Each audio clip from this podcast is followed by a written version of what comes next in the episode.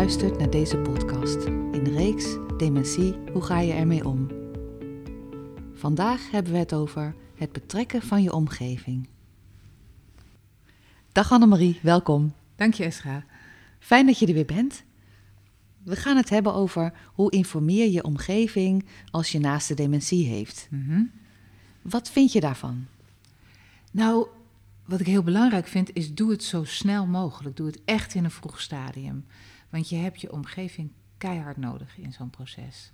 Ga het alsjeblieft niet proberen in je eentje met z'n tweeën eh, allemaal op te lossen en allemaal in te vullen. Want dan gaat, ik kan je voorspellen dat dat niet gaat lukken. En hoe mensen dat doen is heel verschillend. Sommige, soms zeggen mensen, nou, ik vind het fijn om gewoon mensen één voor één, als ik ze zie of als ik ze specifiek uitnodig daarvoor, te informeren over wat er aan de hand is. En dat doen we dan graag samen.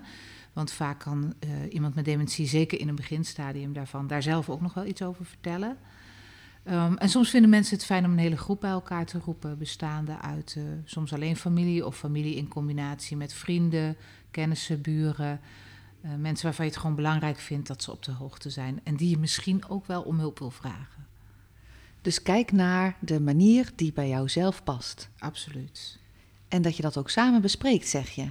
Ja, dat kan heel vaak. Soms vergeten mensen dat en denken dat dat niet meer gaat of zo. Maar in veel situaties is dat mogelijk.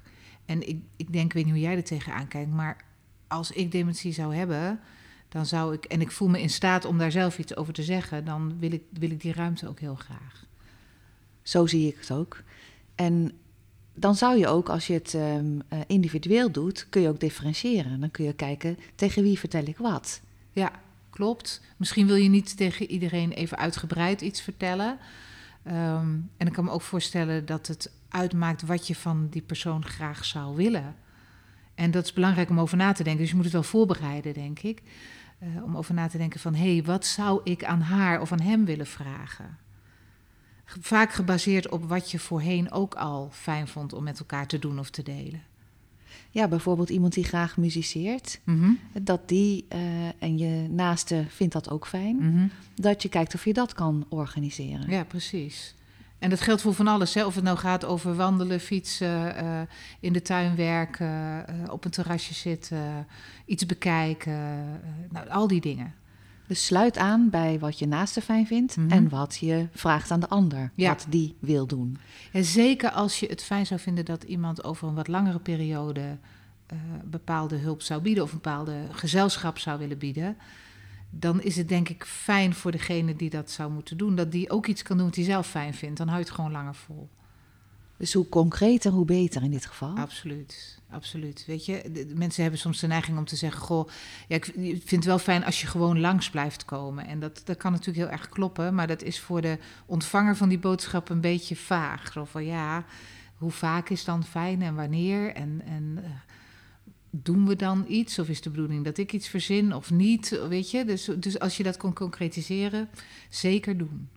Ja, want anders word je een beetje handelingsverlegen. Ja. En nu vul je het al in. Ja.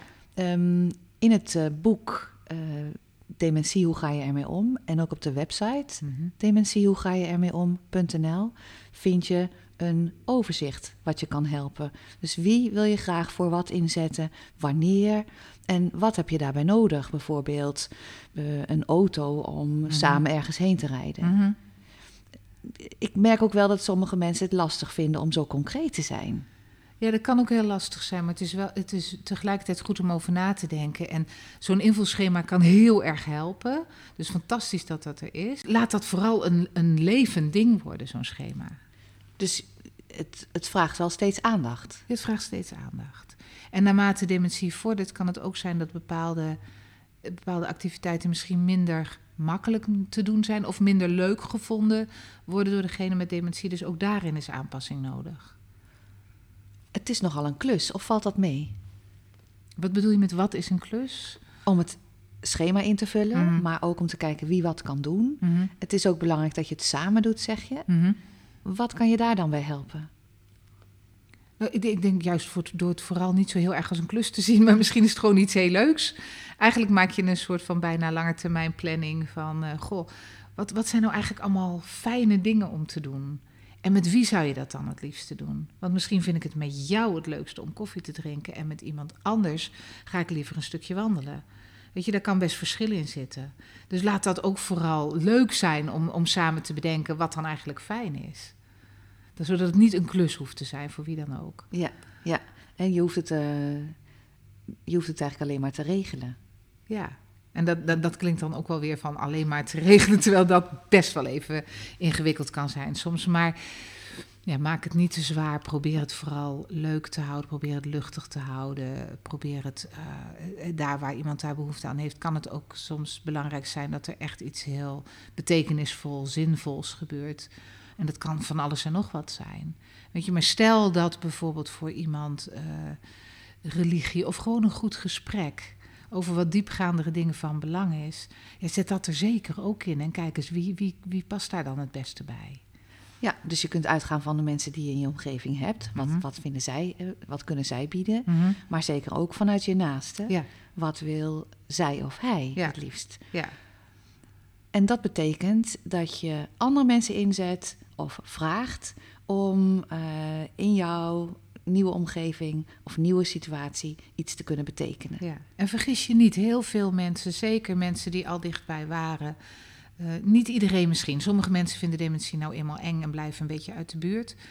Maar als, als, zeker als je mensen handreikingen biedt over wat ze zouden kunnen bieden, heel veel mensen vinden het fijn om te helpen, om iets te kunnen betekenen. In welke vorm dan ook. En dan kijk, kun je kijken wat zij voor handreikingen nodig hebben. Precies. Hè, in de omgang of in uh, wat je gaat doen. Ja.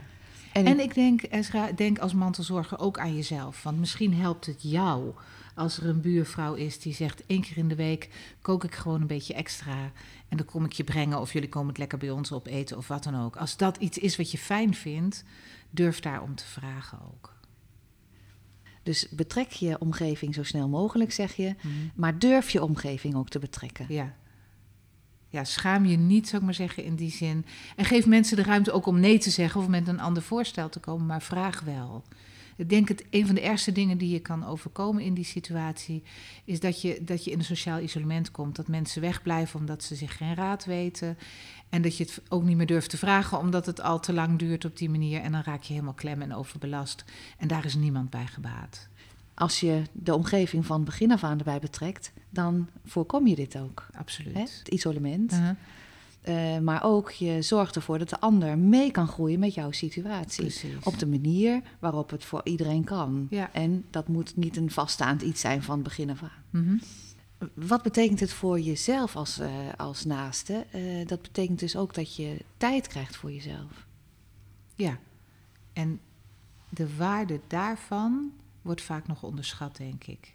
Mensen bedenken wel dat tijd voor jezelf belangrijk is. Maar om het dan ook echt te regelen, te zorgen dat je die tijd krijgt en daar een invulling aan te geven die voor jou ook echt voedend werkt, dat is nog een hele andere, hele andere kunst. En misschien ook een onderwerp voor een andere podcast weer. Dat gaan we in een andere podcast bespreken. Heel belangrijke les hieruit is: uh, doe het niet alleen. Denk niet dat je alles alleen moet of kunt. Ook anderen kunnen iets betekenen in jouw leven en dat van je naaste. Daar ben ik het helemaal mee eens, Esra. Dank je wel hiervoor. Graag gedaan. Dank u wel voor het luisteren naar deze podcast. Meer podcasts en informatie vindt u op onze website www.dementiehoegajeermeeom.nl. Heel graag tot een volgende keer.